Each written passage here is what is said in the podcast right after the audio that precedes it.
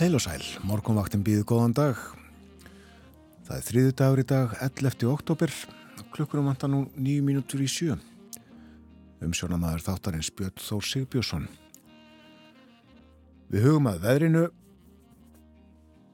það er sjöstega hitti, vestast á landinu, en 60 frost, austur og hýraði. Og uh, logn sumstaða fyrir norðan, annars það er mjög hægur vindur þar en 20 metrar á sekundu þar sem kvassast er allra allra síðst. Það var lítið hlartar súld í Reykjavík klukkan 6, 60 hitti og 8 metrar á sekundu, austan 8, 6 gráður á kvanneri og 7 metrar. Og eins í stikkisólmi, 60 hitti, 7 metrar á sekundu, all skíja þar, sveipa veður á Patrísfyrði en heldur svalara í Bólungavík þryggjastega hitti þar og hitti við Frostmarka Holmavík, hægur vindur. Fjórastega hitti á Blönduósi og 10 metrar, suð-austanátt fór í 15 í mestu kviðu. Einstegs hitti við Söðanesvita og logn. Og nánast logna á Akureyri og fjórastega frost þar, skíð. Þryggjastega frost á Húsavík og hitti við frostmarkar öfarhöfn, fjóri metrar á sekundu. Fjórastega frost á Skeltingstöðum, sekstega frost á Grímstöðum og sekstega frost á Eilstöðum, heiðskýrt, mæltist 1 metri á sekundu. Þryggjastega hitti á höfni Hortnafyrði, 2 gráður á Kvískerjum og þryggjastega hitti á Kirkibæðaklaustri, 5 gráður á Stórhauða í Vestmanægum og þar var stormur, 20 metrar á sekundu fjóra gráður í Árnesi og 6 metrar. Og kalta hálendinu einstigs frost við hveravelli þryggjastega frost við sandbúðir á Sprengisandi áttastega frost við Káranjúka verið í dag uh, rók og ryggning víða en þó síst norð-austalands suð-austanátt fram eftir degi en snýst svo í vestan og lóks suðvestan og hiti í dag fjórar til nýju gráður. Og uh, svo er það skeitin frá vegagerðinni. En í yfirliti segir vetrarferðir víða um land. Og vegfarendur kvartir til að huga nótkunn vetrardekja og uh, nefnd er að hálkublettir eru á Holtaverðu heiði og í Svínadal, hálka á Lagsardals heiði hálkublettir á flestum fjallvegum á Norðurlandi og það er hálka á Mývas og Möðrudalsöðrafum, hálka eða hálkublettir víða með ströndinni, það er ófært á helliseiði eistri og hálka er á fjardarheiði fyrir austan, eitthvað um hálkubletti annar staðar. Og það er búið að loka öksi. Svona eru tilkynningarnar frá vegagerðinni þennan morgunin. Það er ímislegt á dagskrá morgumvaktarinnar í dag, Þorðusnar Júliusson, rittstjóri Kjarnansverðu með okkur, líka Artúr Björgvin Bodlasson, Berlinarspjall eftir morgunfréttir og við tölum einnig í þettinum í dag við bæjastjórun í fjörðabigð Jón Björn Hákonarsson. Förum nánar yfir dagskrána og það sem framöndan er hér á eftir. En það er komið að fyrsta lægi dagsins, það var gefið út 1954. Oh,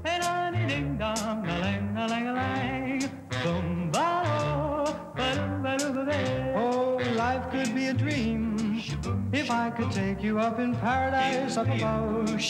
If you would tell me I'm the only one that you love, life could be a dream, sweetheart. Hello, hello again, shaboom, and hoping we'll meet again. Oh, life could be a dream. If only all my precious plans would come true. If you would let me spend my whole life loving you, life could be a dream, sweetheart. Now every time I look at you, Something is on my mind. If you do what I want you to, baby, we'd be so fine. Oh, life could be a dream. If I could take you up in paradise up above. If you would tell me I'm the only one that you love. Life could be a dream, sweetheart. Shaboom, shaboom. Shaboom, shaboom. Ya-da-da-da-da-da-da-da. Shaboom, shaboom. Ya-da-da-da-da-da-da-da. Shaboom. Shaboom, shaboom. Ya-da-da-da-da-da-da-da. Shaboom, shaboom. Ya-da-da-da-da-da-da-da. Shaboom, shaboom. Ya-da-da-da-da-da-da-da. Shaboom. Every time. I look at you, something is on my mind. If you do what I want you to, baby, we'd be so fine. Life could be a dream. If I could take you up in paradise up above. If you would tell me I'm the only one that you love. Life could be a dream, sweetheart. Hello, hello again. Shaboom, and hoping we'll meet again. Boom, shaboom. Dee,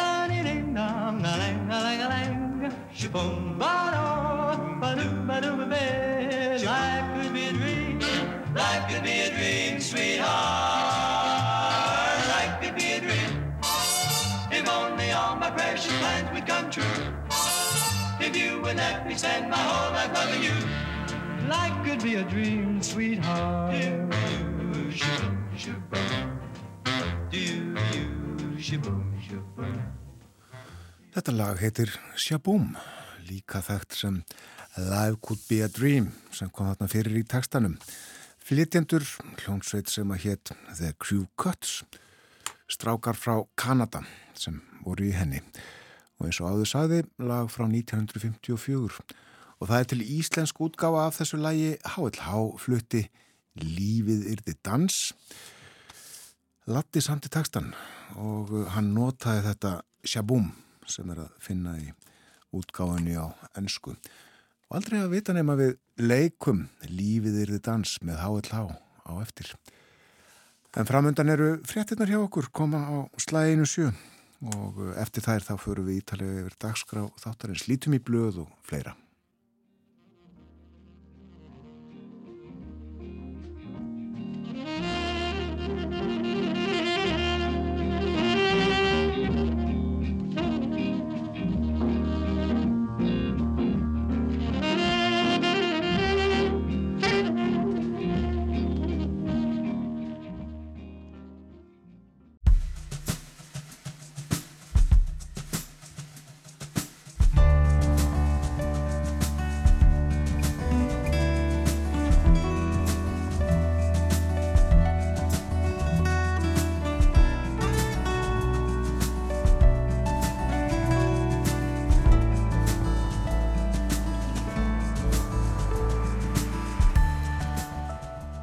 Helsar og býðu góðan dag.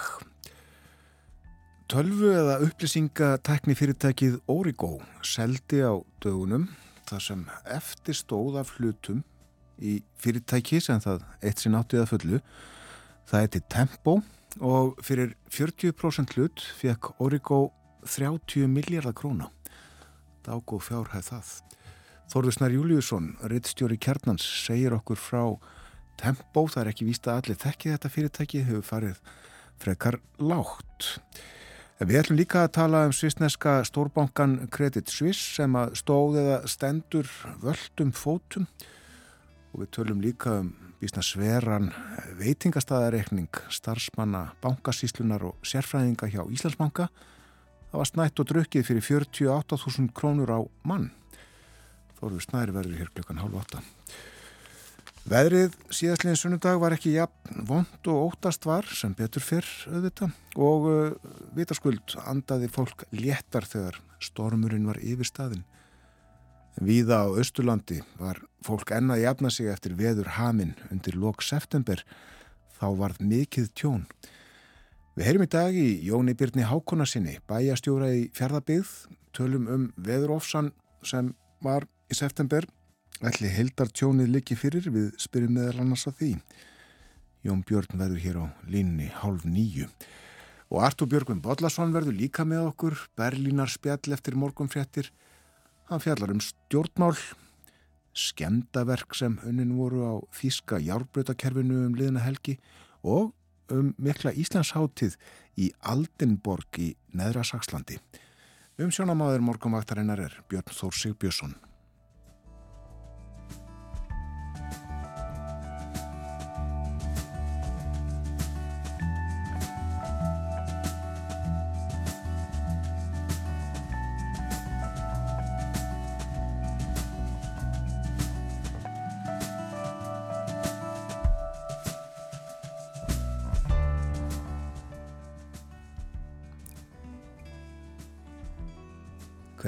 Viðrið í dag? Jú, það verður suðlæg og síðar vestlæg átt. Það hlínar í byli. Fremur vætu samt verður á sunnan og vestanverðurlandinu, úrkomu minna á norðausturlandi. Á morgun miðugudag verður suðvestlæg átt ríkjandi, skúrir á vestur helmingilandsins en lengsta þurft eistra. Hitti þrjú til sjöstig. Og það kólna svo á femtudaginn, segir í hugleðingum veðurfræðings og uh, hálka viða á landinu. Við fórum yfir skeitin frá vegagerðinni fyrir fréttinnar og uh, örlítið var fjallaðum ástand vega í fréttunum áðan. En uh, það er líka frétta frá veðustofinni að það er farið að streyma úr grímsvötnum og vona á hlaupi í gíukvísl Ísallan hefur síðan tæpa þrjá metra á síðustu dögum en lág vastaða er í grímsvötnum og því vona á litlu hlaupi. Tæplega 15 á við síðasta hlaup segir í frétt frá veðustofunni. Og það er líklegast að hlaupið komið fram í gíukvísl í dag og standi í nokkra daga. Og talið er að ef vötnin tæmist alveg þá geti Ísallan síðum 10-15 metra í heldina er síðast hljóp úr grímsvötnum í desember í fyrra og uh, stutt því frá síðasta hlaupi. Og það segir líka í frétt veðurstofunar að dæmir um að eldgósverði í grímsvötnum eftir að vatn hleypur þaðan.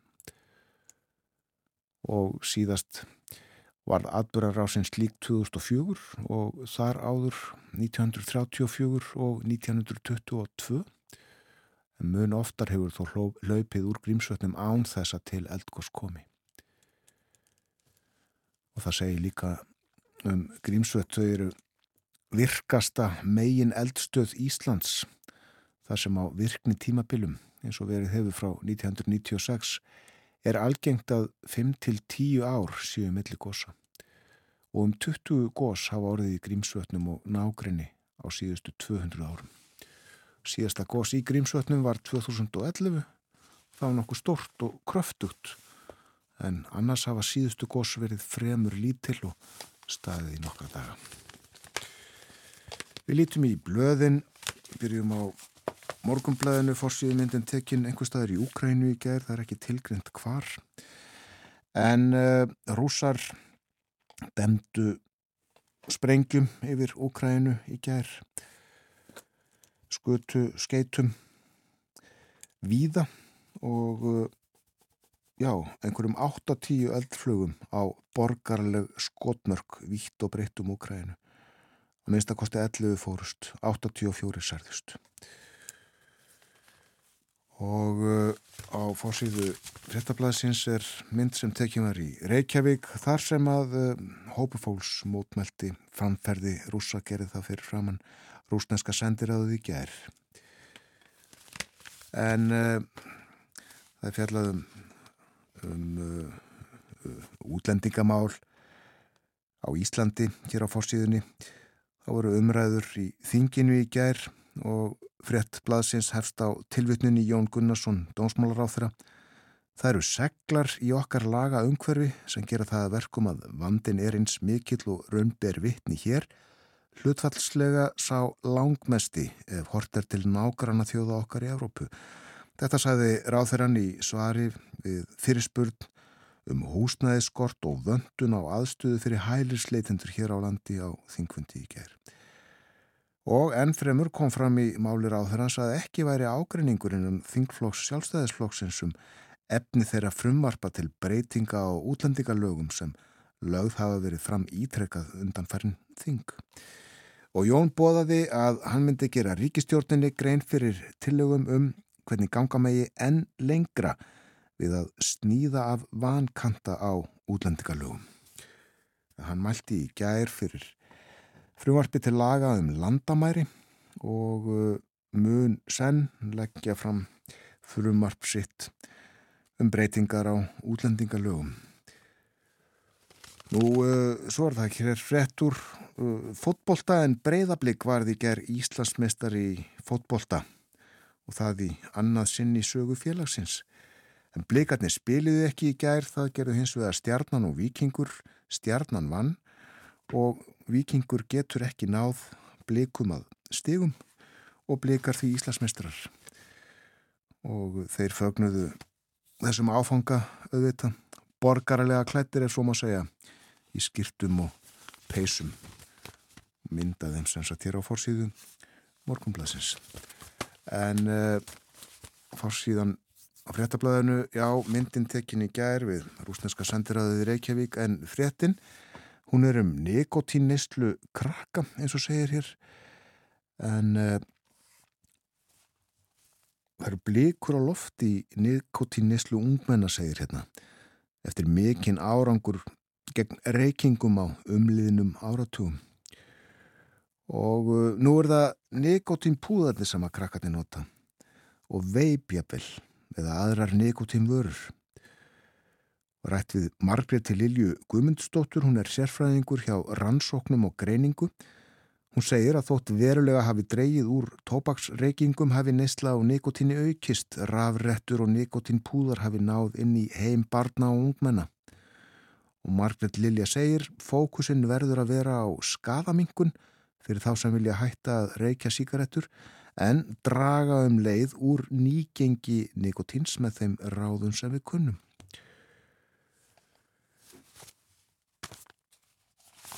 Eitt vil ég nefna líka sem er nú ekki á fórsíðum bladana en það var upplýstundi miðan ágústmánuð að horfin væri brjóstmynd af þostinni Valdemarsinni skáldi og skóarmanni. Hún stóð áratugum saman á stalli í Hallómsstaðaskói.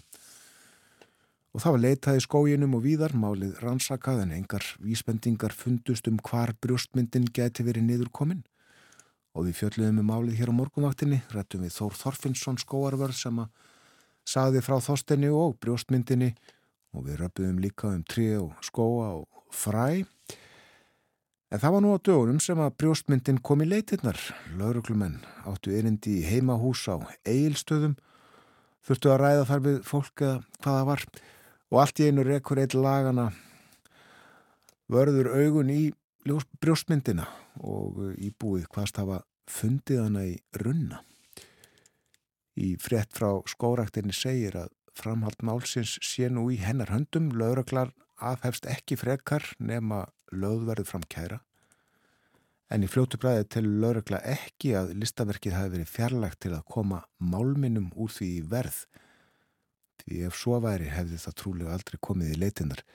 Mestu skiptir segir skóraktinn í þessu máli að högmyndin skuli vera fundin og komin í vörslu skóraktarinnar og nú verður hugað því hvernig megi koma listaverkinu á sinn stað á stallinum í Svefnósum í trjásafninu í Hallumstað gestum skóarins til fróðlegs og indisauka og tilminningar um skáldið og hugssjónamannin Þorstein Valdimarsson. Hér fyrir frettir hlustuðu við á The Crew Cuts flytja Shaboom lag frá 1954 og eins og ég sagði þá gerði H.L. Háflokkurinn sína útgáðu af læginu Lífið yrði dans Latti sandi íslenska tekstan hlustum á Halla, Latta og Björgun Haldursson Du-a-di-ding-dong, ding-a-ling-a-ling Shibum Bari, barubi-rubi-re Lífið er dans. Vinna er fylgja vildir mér til draumalands. Og segðist gefa mér alla ástina Lífið yfir dansvina Halló, halló fröken, síbúm, ég vona við hittum senn Lífið yfir dans, síbúm, ef alla vonir mína rættust þar við frans. Síbúm, við myndum dansa saman inn í elífina Lífið yfir dansvina Og hversinn er ég horfa á þig. Ég hugsa þá strax um hæ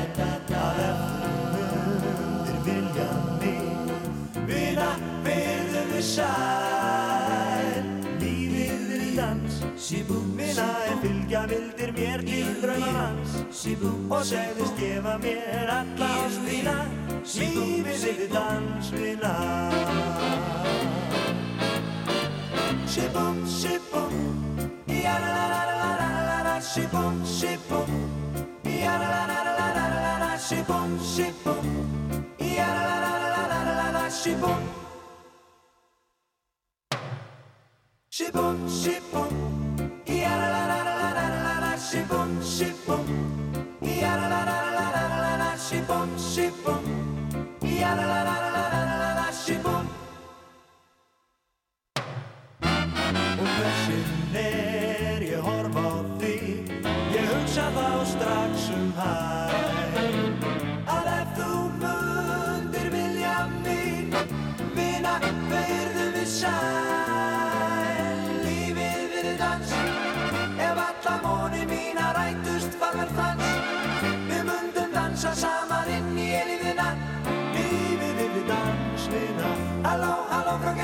bom, jag varnar vi hittar sen.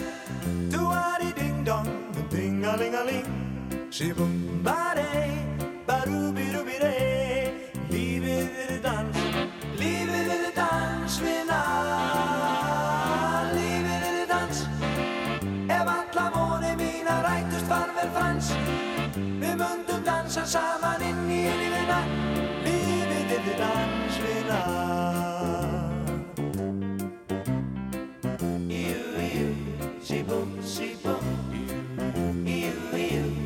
Ew, shibum, shibum, ew, ew, shibum, shibum, ew, ew, shibum, shibum, ew, ew, shibum, shibum, shibum.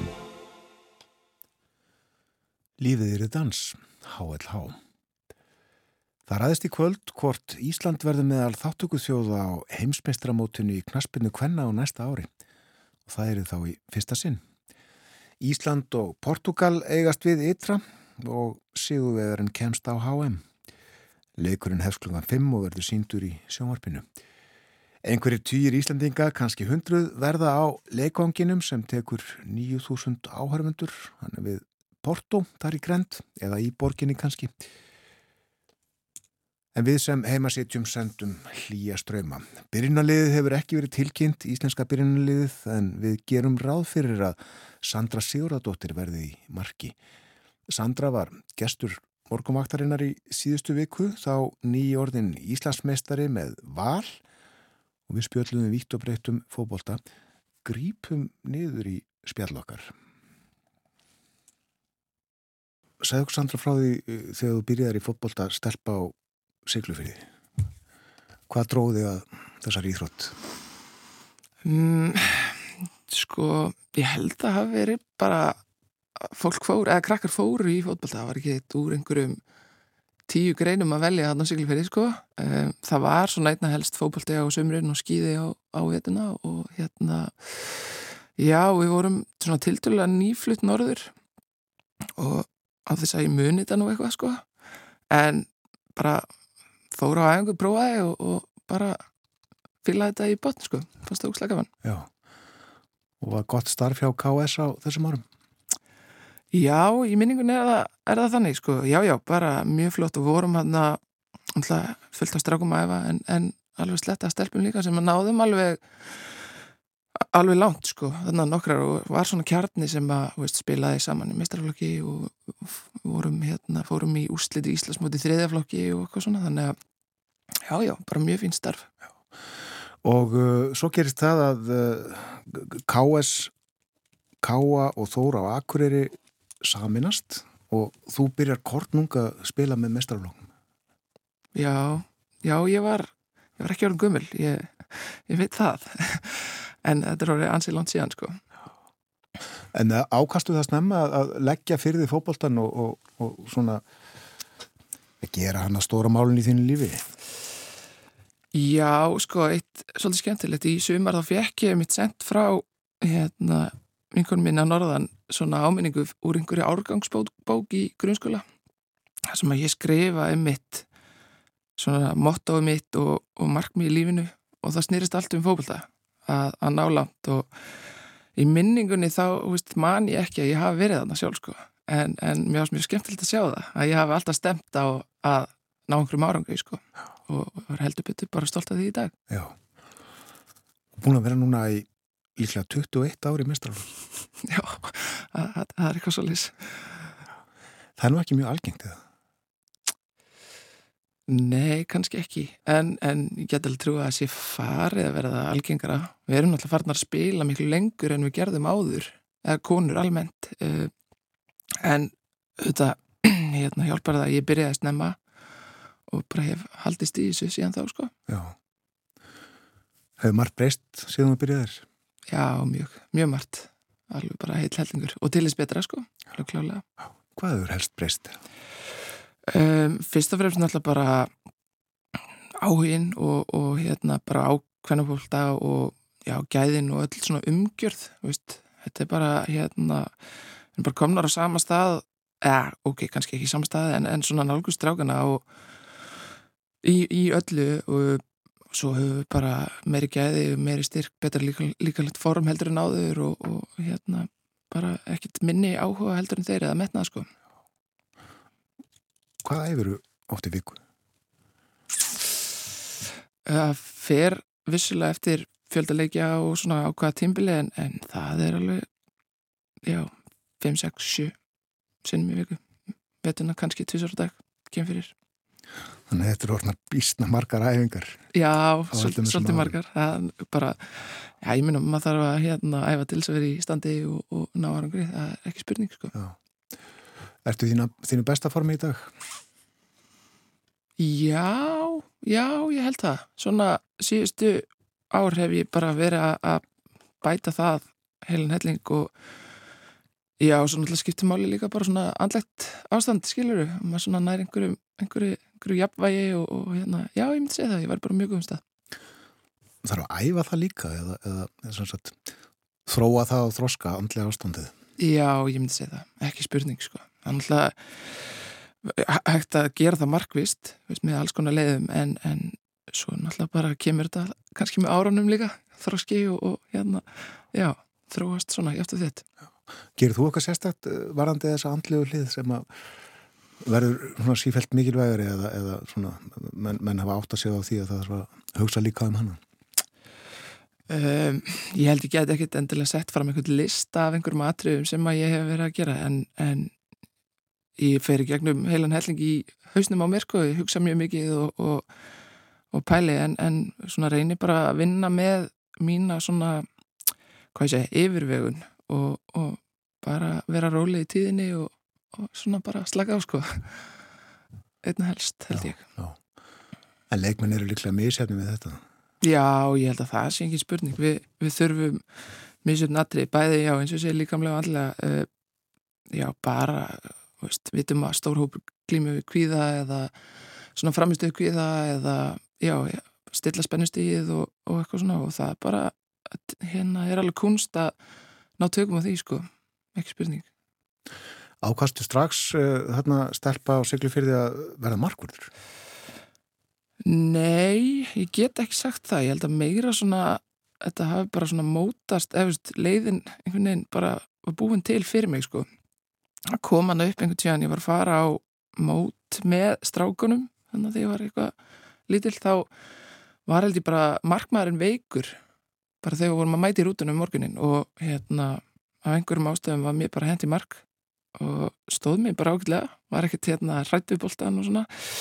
Uh, svo hætti ég nú eitthvað í marki og ég var á miðjunni var ágætt held ég sko svo þegar fórum á Stóruvöll þá svona láða eða bara beinast við að ég fær í marka sem ég verið stæst og einmitt ekki rættu bóltan og svo bara í framhaldinu er ég valin á einhverju úrtaksæfingar í landsliðinu og, og einhvern veginn bara held þetta áfram sko, mér fannst þetta gaman. Sandra Siguradóttir, landslis markverður hér á morgunvaktin í síðustu viku Portugal Ísland klukkan 5 í dag í sjónvarpinu eins og saði, áður saði og uh, það verður dágóður hópur uh, Íslendinga á leiknum Núna um það byl er að hefja sig á loft á keflaðugur flugvelli Þota frá Æslandir sem flýgur til Porto fulla stuðnismönnum og uh, í hópnum er samkvæmt því sem að frettablaði segir á fórsíðu Gunni T.H. Jóhannesson fórseti.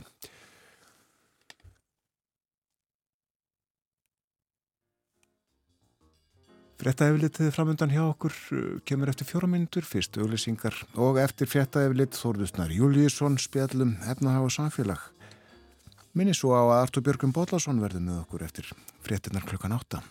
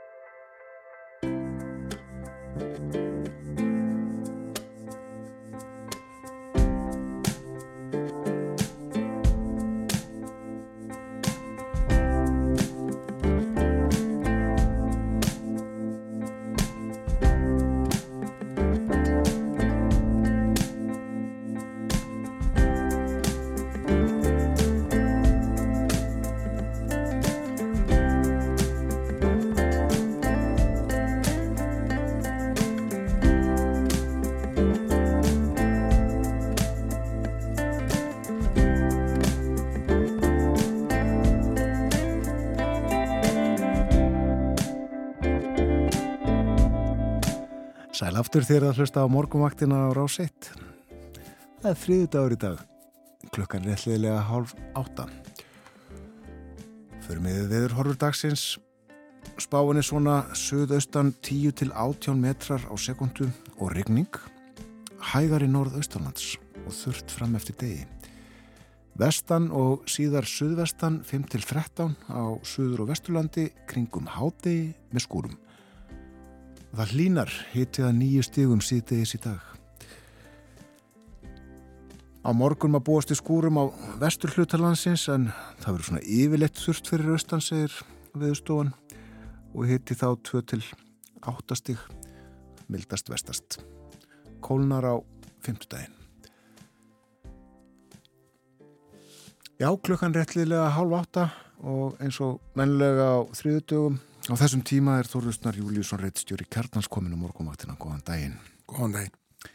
Við ætlum að spjalla um ímislegt Credit eh, Suisse. Við ætlum að tala um bankasísluna og ímislegt fleira en byrjum á fyrirtæki sem að heiti Tempo og var til fyrir, eh, já núna eh, nokkuð mörgum árum annað fyrirtæki sem heitir Orego og er öllu þekktara átti Tempo fyrst að öllu leiti, seldi svo hluta fyrir einhverjum árum og restina núna um daginn. Restina, já, fyrir hana fengust næstu í 30 miljardar. Já, þetta er, er auðvitað mikið ævintýri og kannski hérna Eh, sennilega svona eitt mesta eh, hugverka ævintýrið sem við Íslitingar eh, höfum upplöðu allar minnst að kosti eitt af þeim mestu. Það sem eitthvað sem að uppistuðu er hugvitt sem er verið til á Íslandi fyrir eitt svo mörgum áru síðan fær svona vergildi auðvitað við náð nokkrum svona fyrirtækjum sem hafa náð árangri erlendis, Marel, Össur, CCP uh, og svo þetta kontrollant og fleiri svona kannski á síðustu árum en, en, en þetta er doldið mögnusaga. Tempo var stopnað 2009 af starfsfólki TM Software sem var þá dóttufélag félag sem hétt Nýherji og, og rann síðan saman með öðrum í það sem heitir Origo uh, og er skráð félag á markaði og hérna og ánþess að ætla mér það að vera sérfræðingur í því sem ég ætla að segja næst þá hérna, er tempo eh, varðfljótlegandi hugbúnað fyrir þessi þróaði verkefnastýringar og viðskipta hugbúnað fyrir það sem kallast gírakerfið frá Atlassian. Og eins og ég skilda þá er þetta eitthvað svona viðbátur við, við kerfi sem var til staða fyrir og, og hérna og þetta einhvern veginn uh, fjall uh, mjög fljótt í mjög frjóan jarðveg og, og tekjurnar vegna tempo jökust mjög hratt 50% á milli ára þarna fyrstu árin og, og snemma ást 2015 var tempo búið að vaksa svo mikið að, að það var ákveð að aðskilja reksturinn frá TM Software og setja hann inn í sérstakt félag. Uh, Árið síðar voru ráðinir ráðgjafar til þess að reyna að, undirbúa söluferðli á þessu og svo kannski aðalega til þess að, að selja, já mögulega hluta til þess að svona eh, gefa félaginu tækifæri til þess að vaksa enn frekar og eh, það var síðan selt eh, að hluta til 2018 til, til, til þessa félags Diversis Capital að hluta. Síðan hefur Tempo farið í, í nokkar yfirtökur á öðrum fyrirtækjum og, og, og vaksið alveg gríðarlega og það endaði með þessari miklu sölu núna um daginn þegar eh, eftirstandandi hlutur Origo, tæpla 40% egnar hlutur var seldur á 27,7 miljardar króna sem því að það heldar virði félagsins tempo í þessu viðskiptum var um 85,4 miljardar króna Já. það er ágætt svöxtur frá ornu 2009 Já. Og Origo er þarna að fá uh, svipaða fjárhæð og síminn fekk fyrir söluna á Mílu þar varum að ræða alls konar búnað. En þetta, er, þetta er hugvitt þarna. Sko til að setja þetta í annað samhengi þá var markasverði Origo í heilt eins og það var á, í Íslensku kaupöllinni þegar, þegar tilkynnt var morgum var lokað þarna daginn sem salan var tilkynnt 30 miljardar, 30,1 miljardar þannig að bara söluanduðið á tempo var 74% af markasvirði Origo EIFI Origo var bókvært um mitt þetta ára 8,9 miljardar þannig að þú sér það hérna að, þessi hlutur í tempo var auðvitað eh, færður á mun mun læra verði en, en hann raunverulega reyndist vera. Uh, þannig að hérna við erum að sjá að sko ef við miðum við þessa tölu sem var EIFI sem er áttu, það er að segja eignir umfra skuldir um mitt þetta ár og bætir við vendum söluhagnaði þá er fer EIFI Origo upp í 31,1 miljard. Það er alveg dágóður upphæðir ja. og, og núna býður uh, stjórnar Origo það hlutverka ákveða hvað að gera við alla þessa peninga sem ekki frún í Hamburg heldur uh, fjárfestar elendir uh, eru að setja inn í, í félagi og það eru örunlega tvær leiðir, svona megin leiðir annars vegar er það að greiða einfallega þetta út til Uh, hluthafa og það eru stæstir uh, íslenski lífyrirsjóðir uh, lífyrirsjóðu Vestlunum hann að byrta stabi lífsverk eiga samanlagt 37,7% stæsti enga fjárfestinni fjöla sem heitir Friggus 2 sem á 4,25% og það eru hérna þekkti mennur íslensku viðskiptali Ágúst og Líður Guðmundsson fyrir um aðalengundur Exista og Bakk og eigundur Bakkavarar og ásamt Sigur í Valdísinni fyrir hann til fórstjóru Exista og eða að nota þessa fjármagn, þetta fjármagn að minnst að kosta að hluta til þess að, að fjárfesta í einhverjum nýjum vakstatækifærum ef að það eru ákveðið að greiða alla þessa fjármagn út þá eru áhugavert að sjá hvort að hérna, eh, hvort að orgu verið áfram skráð á markað vegna þess að, að virði félagsismun þá dragast ja, verulega saman. Uh, og, og hvort það sé þá bara nægilega stúrt til þess að vera á markaði. Eh, það getur vel verið að svo verði en hérna þetta er bara mjög, mjög áhugast að sjá hvernig þetta er. Við hljóttum að fagna því þegar Íslenskt hugvit uh, leiðir til uh, svona hluta. Það er heila uh, það er fátt hægt að segja um þetta annað en jákvæmt Akkurat. Já, verður áhugavert að sjá hvað stjórnun ákveður að gera við peningana en það er ólíklegt að hún leggji til að kaupa hlutabrif í Svisneska bankunum Credit Suisse Já, mér, ég held við getum eiginlega alveg fullir það að það verði ekki ofan á Origo farið að ráðast í það að kaupa mikið að hlutabröðum í Kryddsvís. Nefna kannski þeir séu að tækja farið í vandræðum. Já. Við veit það ekki. Við, við tengjum svona enni spjall um Kryddsvís, eh, þennan fortfræga svisnerska banka sem að, já, var hann bara í að fara á hausinum daginn?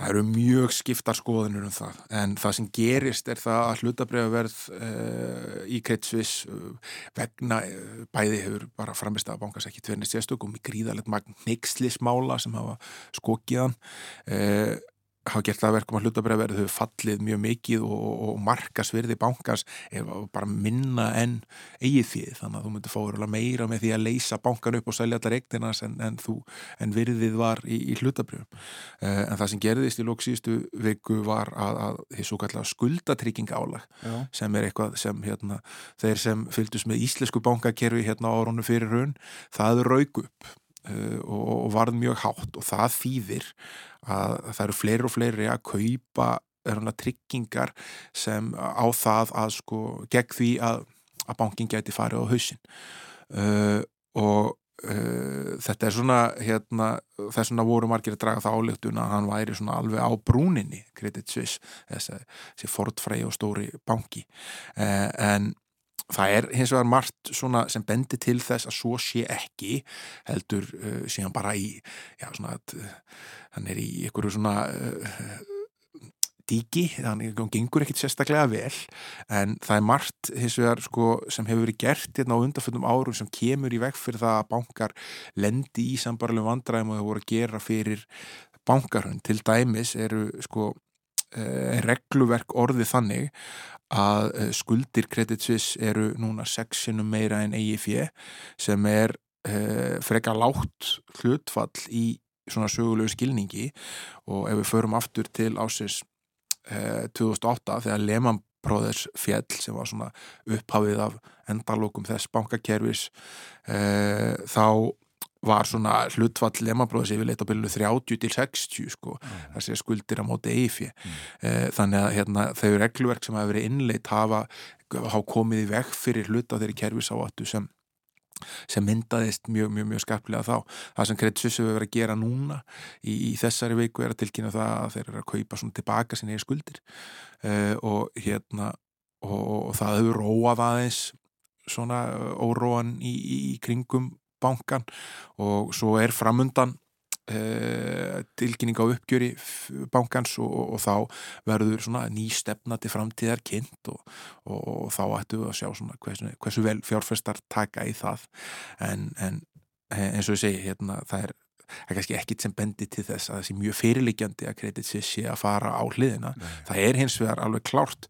að það er órói á fjármálumörkum og við sáum það til þess að bandaríski bankar e, eru að taka til hliðar umtalsverðar fjárhæðir, eða vel á 15 miljard bandaríkjadala, svona 6 stórir bankar til þess að mæta væntum útlánatöpum. Uh, þetta er afleggingar af aðgerum seglabankátum allar um Harry Vöxtum og, og, og Jamie Dimon uh, svona uh, umsöða mest í bankastjórin í bandaríkjónum var að spá því í fjölmjölum í gæra að það væri kreppa framöndan. Já, akkurat. Komum heim, sáðu ekki einhver staðar í gæra að það er von á Íslandsbankaskíslunni eh, frá Ríkisendurskóðanda bara hvað í næstu viku? Eh, hún á að fara, ef ég skildi þetta allt saman rétt til eh, umsagnar hjá fjármálaráðanittunu og bankasíslunni á morgun miðugudag og þá fá þeir sem uh, hún fjallar um eða vandalega er að, að fjallum hvort að hafi staði sína plikt eða ekki uh, tækifæri til þess að lesa hana á undan öðrum og gera aðtöðsendir við það sem á þá er borið ef eitthvað slíkt er þar að finna. Og mögulega er leiðréttar ánkvæslur Já, Já, rétt. Og uh, svo á hún að fara þaðan til stjórnsýslu og eftirlitsnemdar og uh, sem fær þá tækifæri nefnda menn þar fá tækifæri til þess að líta yfir skýsluna og í kjölfæri verður hún gerð ofinber. Þannig að já, ég held að það megi alveg draga það álutun að hefa þessi tímalína ríkisendur skoðanda stennst sem ég ætla bara að gefa hún út að hann, hann fór að nefna sérstaklega daga í, í, í, frettablaðin í dag uh, að þá ættu almenningur að geta átt vona því að geta séð þessa skýslu sér kannski í byrjun þar næstu viku Akkurat. En í gær eh, var ofnberað plagg frá bankasíslunni eh, sem tengist þessu máli. Hvað var þar á færðinni? E, sko á fundi, opnu fundi fjárlæðanemdar 27. apríl þegar e, fósasmenn bankasíslu ríkisins, fóstjóri og stjórnáformaður mættu þar til þess að svara spurningum e, nefndarmanna e, og har hérna doldi eftirminnileg sena þegar, þegar fóstjórin var spurður út í það hvort að hann hefði þegið bóðgjafir, ristnu eða annað slíkt í, í, í kjölfarið í aðdraðanda þeirra útbúða sem hafa farið fram hlutum með hluti ríkisins í Íslasbanka og hann svaraði því til að, að hérna, Uh, og rétt við fengum þarna ykkurjar vinnflöskur, flugelda og konfektkassa. Svo náttúrulega eigum við ykkur að hátegisverði og kvöldverði með ráðgjöfum svo frammeðis, en ekkert annað uh, hann beðin um að útskýra þetta nánar og, og sagði að hérna hann myndi taka saman minnisblad uh, og skila því til lemdarinnar og það minnisblad barst síðast líðan föstudag 7. oktober næstum hátt í hálfu ári eftir að, hérna, eftir að þessi opni fundur óttu sér stað. Þetta eru tvær blasjur. Tvær blasjur, þetta er ekki mjög ítalett en kannski höfðu ekki eitthvað tíma að finna allar kvittanir og annað slíkt. Og þar er tilgreint að, að, hérna, að starfsmenn bankasíslunar hafi átt 20 hátegisverði á bylunu 23. april 2021 til 13. april 2022 eh, sem voru í bóðum ímsum fjármála fyrirtækjum. Það er ekki tilgreint hvað þessir hátegisverðir kostuðu en tilgreitt hvaða fyrirtæki þarna erum að ræða og þar á meðal eru fyrirtæki sem fengu þau hlutverk að sinna söluráðgjöf e, í þessum útbóðum. E, það er líka, það segir í minnisblæðinu að kostnæðan hafi verið óverulegur en hérna ekki tvarið nánar út í það. E, það er tilgreitt að e, fórstjóra og starfsmönum bankasíslunar hafi verið búið í tvo kvöldverði Þeir kostuðu, annar var 24. september 2021 og hinn var rúmum tveim mánu síðar, síðar eða 30. november 2021. Þá hérna var þeim bóðið fyrst út af uh, að borða af Íslasbanka og síðar út af borða með ymsum aðeilum það sem umsjónar aðeilar útbóðskreittu reikningin, það er þessi Íslasbanki, Citibank og JP Morgan. Samanlagur kostnar á hvern mann í þessum tveimur kvöldverðum var uh, cirka 82.000 uh, síðar í kvöldverðun þá var hann 48.000 Uh, ég, á, á mann? Á mann og, og ég er svona bara til gamans flettið því upp hvað hérna hvað uh, svona smakkmatsið á, á hæfilega dýrum veitingastað á Íslandi ásamt vinnpörun það sem þú fær drikk með hverju myndu kosta og, og kíkti á heimasíu grillmarkaðin og ég held að það hefur verið svona með vinnpörunni um 23.000 þannig að hérna það verist að verið tölverð viðbót af mat eða drikk sem hefur verið neitt þessi kvöld. Uh, En það er líka aðtilsvett að hennan dag þegar þið fara í þennan setni kvöldverð þá er hérna uh, nýbúið að kynna uh, fjárlega frumarpið fyrir 2022 þar sem tilgreint var að tilstóða að selja eftir farandi 65% hlut uh, Íslenska ríkisins í Íslandsbanka á, á, á árunnu 2022 og 2023 þannig að hérna mögulega hafa menn einhver að haft að fagna þetta kvöld.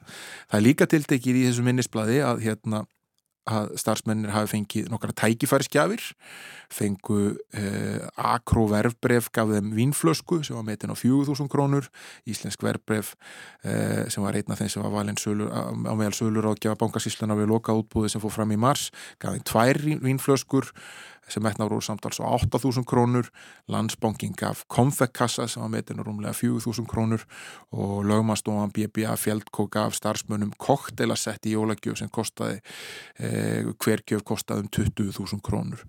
Þá gaf verbreyðamilun og fyrirtækjar á gjöf Íslasbanka það sem bankastilsan kalla staðlaði jólagjöf bankasti stærri viðskiptefina þessara deilda Uh, sem var ein léttvinsflaska á smáréttir sem kostaði 14.000 krónur hver. Og svo er þessi umdeldi flugeldur Já. og hann er sagður vera vinagjöf og það sé staðfest að viðkomandi ge gefanda að þetta hefur verið flugeldur í eintölu upp á 2500 krónur sem vinur Jónskunar Jónssonar fóstjóra bankasíldunar hafi gefið honum. Uh, og þetta er auðvitað ja, vekur upp kannski margar spurningar og ég sá að Bjarki Olsen Gunnarsdóttir forma fjárlæðanemdar veldi sumu þeirra upp í viðtali hér uh, við sjónaböð uh, frettir rúfi gerkvöldi þar sem uh, hvort að það sé yfir höfuð eðlilegt að, að stopnun sem hefur það hlutverk að selja eignir ríkisins uh, geti verið að taka við gjöfum eða, eða, eða, eða ristnu sem fælst í því að vera bóðið út að borða eða hérna, þar sem sko aðelar sem hafa klálega hag af ferlinu, geta fengið hlutverk sem getur skilaði með umtalstunum tekjum eh, eins og, eins og svona, að vera einna sölur á gjöfum við sölu eh, hvort að þeir geta þegið svona gjafir Já. Það þarf að fjalla um það, það er alveg rétt. Ég, ég bara kemst ekki yfir það að borga, borða og drekka fyrir 48.000 krónur eina kvöldstund. Bara verið að segja það. Nei, það er hérna, það er metnafullt, við skulum orða það þannig. Ég var að tala um skattaafslátt hér að lókum. Já, við getum gert það. Um, það var innleitt hérna á síðasta ári uh, það að uh, það mætti uh, sagt, þeir sem eigi eitthvað svona viðbóta fjö, þeir geta nota fengi skattaafslátt og ráðstafaði til, til þeirra sem heita almanna heillafélag, þetta er svona rosalega bandarísklið daldið og hérna og eh, tölur frá skattinu sína að rúmlega 20.000 manns uh, nýttu sér skattafrádrátt til þess að greiða til almanna heilaskrár á síðast ári. Það eru svona um, eru 416 miljónir króna sem hefðu ella endað í ríkisjóði sem var drift á þessi svo kolluðu almanna heilafélög sem eru skráð á almanna heilaskrá sem eru ofnberð og hérna uh, Þetta er dágóðu fjöldi. Já, þetta er það og hérna uh, og þetta er þess að tannig að, að þú, þú getur fengið heimilega skatta frádrátt allt upp á 350.000 krónar ári uh, til þess að hérna uh, að, að ráðstafa svona ákveðlimislitt upp á fókbóltafélagi eða, eða skátana eða, ímis hjálparsamtök eða kirkjusóknir, annað slikt uh, og það eru, það voru 217 félög sem voru skráð á alman heila skrá skattsins í fyrra. Uh, í ár hefur við fjölgað ansi hressilega, það eru 403 þannig að það eru margi sem er að sjá haksin í sí að geta gengið inn í þetta fyrirkomulag. Uh, Og, og, og það er þrátt fyrir það að ýmsum hafi verið hafnað, alls 101 umsókn var hafnað á þessu ári af ýmsum ástæðum. Uh, og það er áallat að, að, að tekið af Ríkisjós vegna þess að geti verið um 800 miljónir króna á ári þegar þetta kemst í fulla virkni þetta fyrirkomulag og aftur þá er það fælst í þessu að, hérna, að fólk sem á viðbótar fjö ekki, hérna, svona, veist, getur þá bara lagt það til og fengi skatta afslátt á móti uh, inn, í, inn í þau almanna hillaverkefni sem þeim svona standa næst hjarta og uh, ríkið hefur þá úr samsvarandi minni upp að, að spila á hverju ári. Já, en það má segja að þetta hafi virkað fyrst að uh, fleiri en 20.000 nýttu sér þetta? Já, það er engið vafi og ég held að hérna sérstaklega fyrir þetta fólk sem er svona þannig þengjandi að vil hérna minga hlutverk ríkisins í því að, að hérna hafa áhrif á lífið okkar og færa það frekur, frekar hérna á hendi einstaklingsins þá er þetta auðvitað uh, svona leið mikil uh, guðskjöf Já. að hérna fá að ráðstafa því sem áður var skattfið í, í, í svona þau verkefni sem standaði næst. Akkurat. Segjum þetta gott í dag, kæra þakki fyrir Þórðusnar Júliusson, reittstjóri, kjarnans fórum vitt og breytt í dag. En uh, hér fyrir morgun þá uh, endurleik ég brot úr viðtali sem við áttum hér í þættinum í síðustu viku við Söndru Sigródóttur, landslismarkvörð, spjöldluðum vitt og breytt. Uh, við revjum í þessu samtali upp leik Íslands og Hollands í septembermániði. Það var loka leikurinn í undankeppni HM og staðan í riðlunum var þannig að Íslandi næði í aftefli til að komast í lokakeppnina en Holland turti sigur og eins og við munum að þá stemdi í rúma 90 mínútur í að Ísland hefði það en þá skoruðu þær hollensku á loka andatökum leiksins. Grípum aftur að ganni hérna niður í samtali við söndru. Draumurum um að komast á HM í Ástraljú og Nýja Sjálfandi næsta sömur er ekki úti það er leiku framöndan Já. Hvernig líður þið gagvart þessu? Bara vel sko, ég er hérna bara spennt fyrir þessu. Uh, maður er eiginlega, er rauninni bara búin að býja eftir þessum leik síðan að hinn kláraðist og, og við vissum að þetta færi svona. Þannig að hérna, já, eins og segi ég get bara ekki beð eftir að, að hitta lið ferðumst á morgun og, og hérna náma að efa vel og ég held að við séum bara allar á, á sumplasi og við ætlum að klára þetta verkefni og ætlum að koma okkur að háum þannig að ég bara laka, ég laka mjög til. Já. Sandra Markvörður og leikurinn síðdeis í dag Ísland, Portugal klukkan 5 Það stýttist í fréttetar hjá okkur að koma á slæginu átta. Eftir þær verður Artúr Björgun Bodlason með okkur. Berlínar spjall á sínum stað á morgunvaktinni á þriðutegi og milli hálf nýju og nýju ræðum við við Jón Björn Hákonarsson, bæjastjóra í Fjörðabyggð.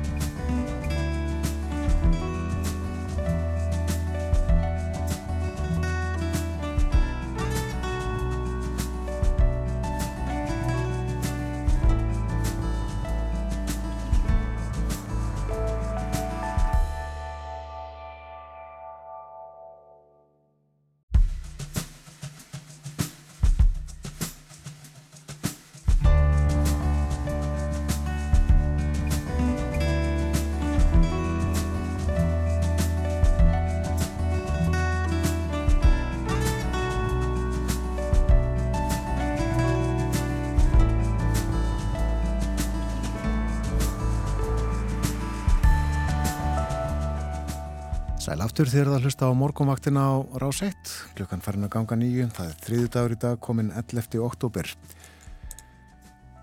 Spáin eins og hún er, höfum farið yfir hérna nokkru sinnum í morgun og það var síðast gert undir lok frétta tíma sér áðan, en nefnum að það er hálka víða á vegum, hálka og hálkublettir og uh, það er flughált á þröskuldum, segir vegagerðin. Og fleira þungvært yfir mjóafjörðarheiði, öksi er lókuð. Við heyrum af uh, veðri og öðru á Östurlandi og eftir Jón Björn Hákonarsson, bæjastjóri í fjörðabyggð, verður á símalínunni upp úr hálf nýju. En nú erum við komin í samband við Artúr Björgvin Bollarsson í Berlín. Heil og sæl og góðan dag. Góðan daginn. Við ætlum að spjalla mýmislegt í dag eins og yðurlega byrjum á stjórnmálunum. Þú fóst yfir það fyrir viku að uh, þá voru vendanlegar fylgiskostningar í neðra Sakslandi og þær fóru fram um síðustu helgi. Jújú, og eins og ég held ég hef nefnt að þá fylgir alltaf aðkveðin spenna fylgiskostningu fyrir Þískalandi ekki síst uh, þegar um er ræða jafnstórt fylgi og neðra Saksland sem er fjóðast þetta fylgi í landinu Eh, og þó að úrslitt kostingarna hafi kannski ekki komið fólki beininni sér opna sköldu þá fóru það þá allavega ekki alveg eins og kannanir höfðu þetta fyrir. Og þar má nefna fyrst að, að jafnaða menn unnu mun stærri sigur heldur en búist það verið við. Og kristilegi demokrater töpuður miklu meira fylgi heldur en pólitíski spámenn höfðu sagt fyrir um Uh, Stefan Weil sem er leittói jafnamanna og fórsettisáður fylgisins hann náði 5% af forskoti á aldúsmann tjeppinöð sinn og, og, og fórustumann Kristilera í næra Sakslandi og, og annað er að græningar tölverðan sígur þeir nánast tvöfölduðu fylgisitt frá síðustu kostningum þeir fara alveg með heiminskautum í öllum fylgiskostningum núum stundir og en þeirra kæti hún var svo svolítið yfirskeiðið af því að, að þeim hafi verið spáð mun meira fylgi heldur sem því sem þeim fengu en uh, tvöföldum fylgi sem þá heldur ekki eitthvað til þess að grátt yfir. Nú engaða síður þá var ljóst að jafnaða menn sem voru í stjórn með pólitískum fjendum sínum kristilegum á síðasta kjöldinanbili, það var það sem þau verið að kalla grósi koalítsjón eða svona stór samstipustjórn, þeirra stærstu flokkar þeir tveir fara saman eins og varu hér við lítinn orðstíð á síðasta kjöldinanbili í, í, í Þískarlandi öllu. En þessi tve, þá geta nú jafnað með myndað stjórn með græningum á þinginu í Hannover og Hannover er ju höfuborgin í næra Fjöslandi. En það var einmitt takmark Stefans Væls og hans manna í kostningabarátunni að hætta að starfa með kristilegum og, og fara í samsteipu stjórn með nýja stjórn með græningum. En stærstu tíðindin í þessum kostningum voru þó sjálfsagt eða, eða mjög viklega að sögja að frjálsi demokrater, flokkur Kristján Lindner fjármórar á þeirra ríkistjórnarinnar hér í Belín, galt mikið afhróð og dætt út af þinginu í Hannover og þeir voru nú ekki með mikið fylgjað fyrir en þeir mistu helmingir að því sem að verður þess að þeir fóru niður fyrir 5, þeir fóru niður 2,5% sem er náttúrulega ekki neitt mm. fylgi og Lindner var því að vonum ekki beininist kampakátur þegar hann kom í sjómasvittal á kostningakvöldinu og hann dró enga eða ekki neina döl á þá samfæringu sína að þetta dræma fylgi væri til maksum að kjósendur fjálsættdemokrata væru margir hverjir ósáttur við þáttöku flokksins í stjórnarsamstarfinu á þinginu hér í Bellin. Já, já. Og hann sagðist að það var orðið varfið að, að fylgjendum flokksins þætti hann ekki ná að koma sínum sjónamöðu nægilega vel til skila innan landstjórnarinnar og þeim þætti allt og mikil vinstri slagsíða á stjórninni og að frjálsið demokrater hefðu ekki með nógu afvikirandi hætti komið sínum eins og hann kallaði það miðju og hægri stefnum með um til skila. Og uh, hann tók þó samt sem áður fram að þetta myndi ekki hafa þau áhrif að hann færi að endur skoða þáttöku flokksins í ríkistjórn Ólaf Scholz. Hann uh, sagði að hann hefði svarið eigða því að, að, þjóðun á landinu í ríkistjórn næstu árun og það myndi hann gera en hann var alltaf en hrest með þetta dæmi. Og svo er eitt enn sem kom mjög óvart í þessum kostingum og uh, það kætti nú ekki marga en það var það að hægri aukaflokkurinn AFD, Alternatífi fyrir Deutschland hann korkið meirinni minni en tvöfaldari fylgisitt í kostningunum, alveg eins og græningar og uh, fór úr rúmlega 5 af 100 upp í tæpilega 11% og einna fórustum mönnum kristilegar menn voru að reyna að geta, í, geta sér til um hvernig stæði á þessari gríðalögu fylgisökningu því þar verður að taka fram að að AFD hefur yfirleitt ekki fengið mikið byrji setning hér í vestur fylgjum Þýskaland síðan hann hefur fyrst og næst átt, fylgi að fagna í östurhjörðunum eða östurfylgjunum. En einn af fórustumönum kristilega demokrata held eh, í fram eftir kostningarna ástæðan fyrir þessari velgengni uh, þessa auka flokksværi það sem hann kallaði sundur, lindið og ágreiningurinn sem að enkendi stjórnarsamstarfið í Berlín menn væri sem sagt ósáttur við það og á þeim bæ væri hver höndun upp á móti annari saðan og það væri þetta ósamlindi eh, sem að leiðist mjög illa í kjósendur á óvissu og krepputímum eins og við erum nú vist að gangi gegnum uh, þessa, þessi miserinn og, mm. og þá hefðu borgarættin þörf fyrir svona einhuga eins og hans að og samstittar ríkisjóð sem geti tekið á málum af öryggi og, og festu.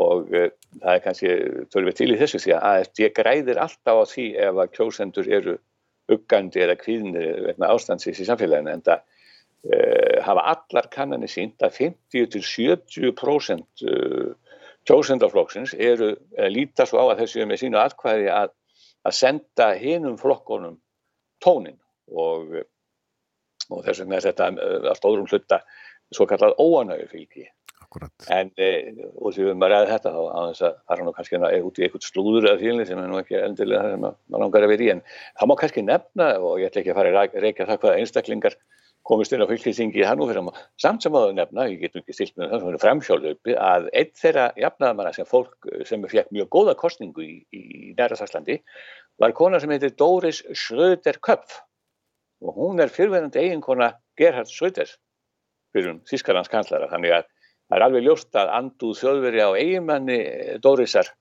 og, og aðri hans við Bútín Kremlabonda, það vilist ekki hafa haft neina áhrif að velgengni hennar í þessum kostningum. En, en sem sagt í stuttumáli, þá er þetta fyrst og náttúrulega sigur fyrir Stefan Væl, eh, aðra og fórustum en jafnaðamanna í fylginu og þess vegna fórum við strax að segja, alltaf þú ekki að reyna að komast í kanslarembæti, það er alltaf fyrsta spurningir á þetta þegar einhver aðra eða einhver fórstum aður flokksins vinnur sigur. Vilt ekki bara lesa Ólaf Sjólds á holmi mm. en hann eh, hins vegar sagði ég er neðra, neðri í saksi og ætla að vera það áfram. Og, og eh, talandum Ólaf Sjólds þá virðist Sjólds ekki hafa spilt í það minnsta fyrir eða ríkistjórn hans eða eh, hans kanslara starf, störf sem kanslari því að eh, hann tók að vísa ekki mikið þátt í kostningabarátunni en hann mætti samt á einhverja fundi með að tóðundur lokin. Hins vegar er þetta mikil skellu fyrir Frídrík Merz formann stærsta stjórnar anstöðuflokksins á þinginu hér í Belgin, Kristilega Demokrata, sem að tók tölvist mikið þátt í kortningabarátunni og uh, það er uh, sem sagt uh, aðtiklisvert að, að, að hann hefur ekki ástæðu til að fagna því að menn verðast ekki og alla kannanir sína líka að hann er ekki, ekki vinsæli þýskanandi og varðandi kannanir þá má kannski nefna að það er eitt sem að svona lókun sem að e, mér fannst aðeinsvægt e, sko, þjóður eru alltaf að gera kannarir og öllu afstöðum hana til hinn og þessara mála hvað, finnst, um, hvað þjóðunum finnst um þetta er hitt og, og alla kannanir í fylgjunu næra Frakslandi síndu fyrir kostningar að kjósendur hafa almennt meiri trú á því að jafnaðamenn geti stýrt og leist úr vandamálum sem varða efnahagslífið miklu farsælegar heldur en kristilegi demokrater og þetta er mjög aðteglislega niðurstað því að til þess að hafa já, kristilegi demokrater alltaf haft vinningin þegar það kemur að þessum málaflöki. Já. Artúr, segjum þetta gott að pólitíkinni bili, eh, þú ætlar að segja okkur næst frá skemdavörgum sem að voru unnin á eh, já, járbröðakerfinu Þíska. Já, það var heldur óskemtilegu uppókoma, það var á, á, á hérna löðadarsmorgunni síðasta, þá skapaðist mikil ringulreið í, í lestaferðum í norðursvita Þískarans og í stöttumáli stöðuðust allar játbrytarsamgöngur á stóru svæði í þrjá til þrjáðið fyrir klukkutíma. Og þetta allir að sjálfsögðu mjög miklu umróti, ekki síst vegna þess að þessu svæði voru höstfrí í skólum að byrja og þar að lendi mikill fjöldi fólks á, á ferðinni. Nú, uh, til að byrja með var nú ekki ljós hvað allir þessari óreiðu og öllum þessum töfum en, en svo kom í ljós að, að það hefði verið unni skemdarverk á tveimur ljósleiðara köplum sem að varða beinlinis öryggi alls lestar kervisins í, í, í, í Norðurískalandi og, og nú er sem sagt þíska rannsóknlörglan að kannamálið og, og, og hérna, frestar þess ásamt ég held að leinið þjónastan þíska sé komin í dæmi líka og allt beinist að því að reyna að finna sakamennina sem að hér áttur hluta máli. Og það er talið alveg augljóst að hér að verið mjög vel skipulagt uh, brot að ræða. Og uh, það voru svona, sko, það verður að taka fram að, að, að þessir kaplar sem að voru kliftir þarna í söndur, sam, voru, voru kliftir í söndur samtímis. Og annar kapallinn, hann er hér á, námönda við Bellin, en hinn er í fylkinu neðra Rín Vestfælju og á milli þessara tvekja kapla eru sko 450 km í beina loftlínu. Þannig að þetta var alveg samstilt brott að uh, það leginni fyrir ekki og uh, svo það kannski nefna það að vildi svo til að ég lendi sjálfur í, í, í þessari óreiðu miðri því að ég var í þann mund að leggja upp af stað með lest frá, uh, leggja stað með lest frá Aldenborg, Aldenborg í næra Sakslandi uh, hinga til Bellina þegar að allar lestir hættu að ganga. Þetta var mjög óskemmtileg upplifun aftur, komum bara, komu bara áleitrandi eða svona, svona rafskjáir sem að sína alltaf hvernig lestir kom og fara. Og það kom bara yfir allar skjáina að eh, engar lestar samgöngur í norðursluta Þýskarlands uh, ennum sinn. Og svo hann drundu þetta úr öllum háturum að, að fólk gerir bara að hafa þólumæði því það var ekki einasta lest ökufær í öllu norðu Þýskalandi. Og ég hef nú aldrei heist svona yfirlýsing fyrir það síðar. Og þóttu nú ekki skemmt að þetta lendi í þessu sjálfur en Eh, þannig að í staðin fyrir að vera rúmlega þrjá tíma á leiðinni frá aldum bort til Bellinar þá tók að mig heila sjöklukkutíma að komast, komast til Bellinar og, eh, ástandi var líka svo slemt þegar lestirna fór aftur að ganga uh, fyrir það sem að tekja til að þá er náttúrulega það var ekki mjög mikið víður gangur á milli sæta í lestum, þetta er svona svolítið eins og við hlugilum að en fjöldi farþegar þurfti að, að standa upp á endan í hraðlestunum uh, á lengri veljöndum sem er ekki beint þægilegt fyrir fólki í, í þessum faratekjum því að það var bara húað öllu inn í lestinnar og svo að geta stað því að það fjallu nýður margar, margar ferðir og að þessum uh, fjölförnustu leiðum að þá var bara allir settir inn sem tróðuð eins og hægt var í lestinnar en tóku þessu nú með jafnaði geði og gönduðs nú með þetta. Uh, það var alltaf svona stundum er að þjóður orku þægileg, þeir eru ekki með neitt veginn en, en það er ennþá mjög óljóst á þessari stundu hverjir eða, eða hver eða hverjir standa baki þessum skemdaverskum og það eru náttúrulega sko, strax konar, alls konar hugmyndir og kreik og uh, meðal annars og það er nú svolítið æfintilega hugmynd en hún er ekki í kolli nefna kjána sko því að uh, það menn hafa verið að geta sér til um að það sé hugsanlega samband á milli skemdaverkana sem voru unnum á gasleðsánum í Norðursjó fyrir fánu vikum. Menn það hefur nú verið í fréttum á Íslandi held ég Alltaf Já, og þar náttúrulega eins og eflustu komið fram á í fréttunum heima, þar berast öll bönda rúsum og eh, þess vegna hafa mér jáfnveil verið að í að því að hér hafi verið útsendarar Pútins, Kremlabonda á ferð. Og þetta til dæmis eh, hefur eh, Anton Hofrættir sem er kannski meirinn minn en þingflokksformaða græningi á Þíska þinginu fært í tal og telur sjálfur verið mjög líklegt og það eru margir sem takkir sama þeng og það er alveg ljóst að skemdar, þetta skemdaverk var þauðlugsað og mjög vel undirbúið og auk þess þá hafa skemdaverkamenninu þurft að hafa dágóða tækniþekkingu til þess að vita hvernig þið gáttu valdið sem mest um ursla og því þetta voru tveir kaplar sem eru skona líkil líkil kaplega saman með ljósleðari kerfi hérna í restu þetta þeir sem sagt röfu allt samband á milli lestana þannig að stór hættulegt náttúrulega geta leitt til stórslýs ef að, ef að hérna menn hefur farið að kera þær áfram að það geta haft neitt samband og, og samstilla þeirra ferðir út af þetta. Er alltaf mann tölvukert náttúrulega. En e, svo er líka hérna um að ræða gjörning sem hefði geta sko stopnað eins og ég segi lífi og og lifum fjölda borgara í hættu. Og, og þetta er allt saman atriði sem að menn benda á að handlangar að Putin séu mjög snjallir í.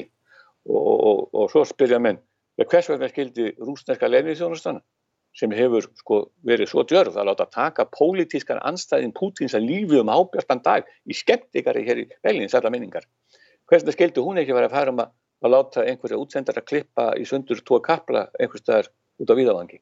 Þetta eru spurningar sem eru áleitnar og, og þetta og þetta er að kanna en, en það er alveg ljóst að þetta er afskaplega vel skipulagt, vegna, skipulagt vegna þess að það er að byrja haustfrí í skólunum. Svo náttúrulega, ég hugsaði nú strax í mínum kolli, við, þetta er dægin fyrir kostningar í þessu sama fylki. Þetta, sko, þetta var í næra Sakslandi þar sem að ástandi var erfiðast og þar var við að tjósa til fylki sínsins dægin eftir þannig að Það eru margar spurningar sem ættur að svara þann og verður forviltilegt að fylgjast með því hvað kemur út úr þessu. Nú, þetta í byli, eh, þú nefndir eh, Aldinborg, segð okkur frá henni. Já, Aldinborg er afskaplega ljúborg, ég finn nú að játa það alveg eins er, ég hef nú aldrei komið hanga áður, fyrir ég fórst þarna núna og, og, og hérna, þetta er uh, lítil borg frekar svona, aflega 200.000 íbúar og uh, þetta er svona uh, notalega borg, ömul hertoga borg og, og hérna heitir Oldenburg heitir sem sagt einhverstaðar í gömlum papjurum Aldinborg eh, en eh, tilefnið eða ástæðan fyrir því að ég fóð nú þarna var, var svo að eh, þarna er núna í gangi heilmikil íslensk menningarháttíð það er mjög gaman að því að, að, hérna, að þeir eru með sem sagt svona háttíð á tveggja ára frestifili sem heitir Byggignungen eða svona samskiptið eða fundir með einhverju þjóð og það hafa ímsa þjóðu komið það fyrir sögu og, og svo núna er það Ísland sem að er eh, sem sagt, samskipta eh, þjóðin og uh, það er búið að vera undirbúið þetta alveg í heilt ár heldur bara, tæmlega það allavega og, og þetta er mjög vel uh, þarna vanda til og gríðarleg auglýsing fyrir landið okkar náttúrulega. Því að uh, það er þarna koma þarna einhverja hljómsveitur og spila og það koma allskyns gestir af öllum mögulegu tægi en uh, eru þarna lítið að leik. Það ég sá að það er flutt alltaf leikrit í, í, í leikúsunni í borginni, í borgarleikúsunni allum borg eftir, eftir hérna, Jón Gunnar fyrir um borgarstjóra Reykjavíkur, mm -hmm. Hotel Volkswagen ég hef nú ekki séð það en, en það er þetta á svið og svo voru þarna eh, ágættu ljóðadagskrá með myndum um Ísland líka sem að sá miklu Íslands vinnur og, og snillingur Wolfgang Schiffer tók saman sá ég. Og, og það ganga þarna ýmsir, ýmsar upp á komur alveg í tvo mánuðu, þessu drefti við heila tvo mánuðu og, og uh, ég var nú þarna á vegum Lýðháskólans í borginni því að hann bara með að koma þarna til þess að kynna Ísland og, og lesa þarna bókum og hérna og sem sagt uh, já, með rannkynningu og uh, það var mjög skemmtilegt, það er vel að þessu staði, það er fullt af sko auðvisingaskiltum um Íslandum alla borg og maður bara, manni finnst maður að vera alveg allt í hennu bara finnst manni eins og, eins og sem er að lett líkum að við Íslandingar séum ekki bara 370.000 heldur bara 3,7 miljónir því að þetta var svo, svo fyrir, við erum svo fyrirferðar miklu á göttum borgarinnar og í öllum fjölmjölum Og ekkert dregur úr áhuga þýskra á Íslandi og Íslandingum alveg ótrúleitt og það er nefnilega svo skemmtilegt þetta er sem sagt sko verður það að kynna eh, þíska, íslenska menningu eh, fyrst og fremst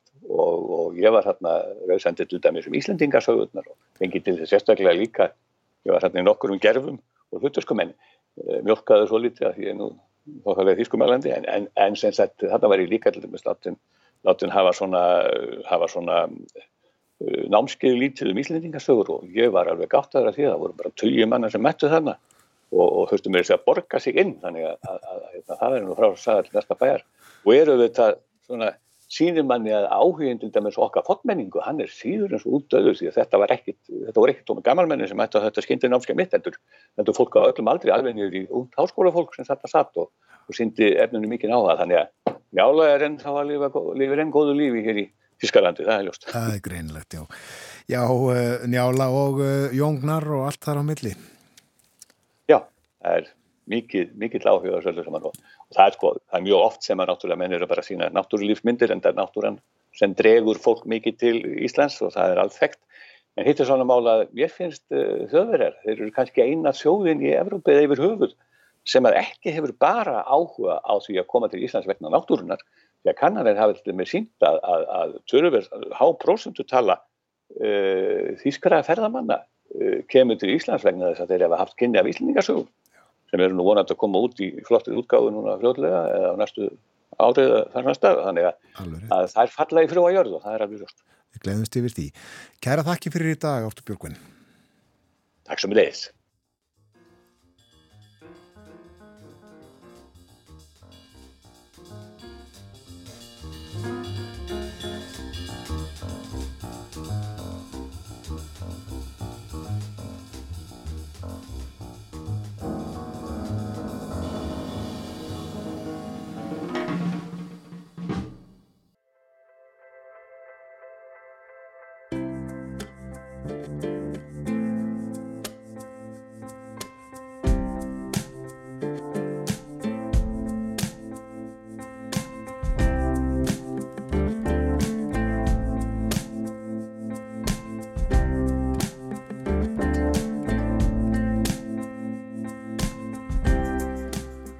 Þér það hlusta á morgumvaktina á rás 1 klukkan réttliðlega hálf nýju. Það er þriðu dagur í dag komin 11. oktober. Og veðrið í dag það verður suðlag og síðar vestlag átt, hlínar í byli, segir í hugleðingum viðfræðings, fremur vætu samt verður á sunnan og vestanverðurlandinu en úrkomu minna á norðausturlandi. Og hitti í dag þrjú til sjö stig, eitthvað svo leiðis. Hér á eftir uh, verður í símanum hjá okkur Jón Björn Hákonarsson, bæjastjóri í fjörðabigð. En fyrst að öðru, sextugur er í dag Guðmundur Jónsson, tónlistamæður. Einna kunnastur fyrir uh, laugin sín og gítarleik með sálinni hans Jónsmins. Það er fjallað stutlega um Guðmund í morgumblæðinu í dag, um æfi hans störf og ættir. Hann fluttist fimm ára á Skagaströnd og segir það var mjög gott að alast upp þar í nálað við fjöruna og fjöllin. Það var mikil músík í kringum mig, pappi spilaði og gítar og snemma negðist ég í þar áttir og var 12-13 ára færna spila á gítar. Og enn spilar Guðmundur á gítarinn sinn. Heyrum eitt lag eftir hann, þetta er með sálinni hans Jónsmíns Fridrik Sturluson gerði textan Hjá þér.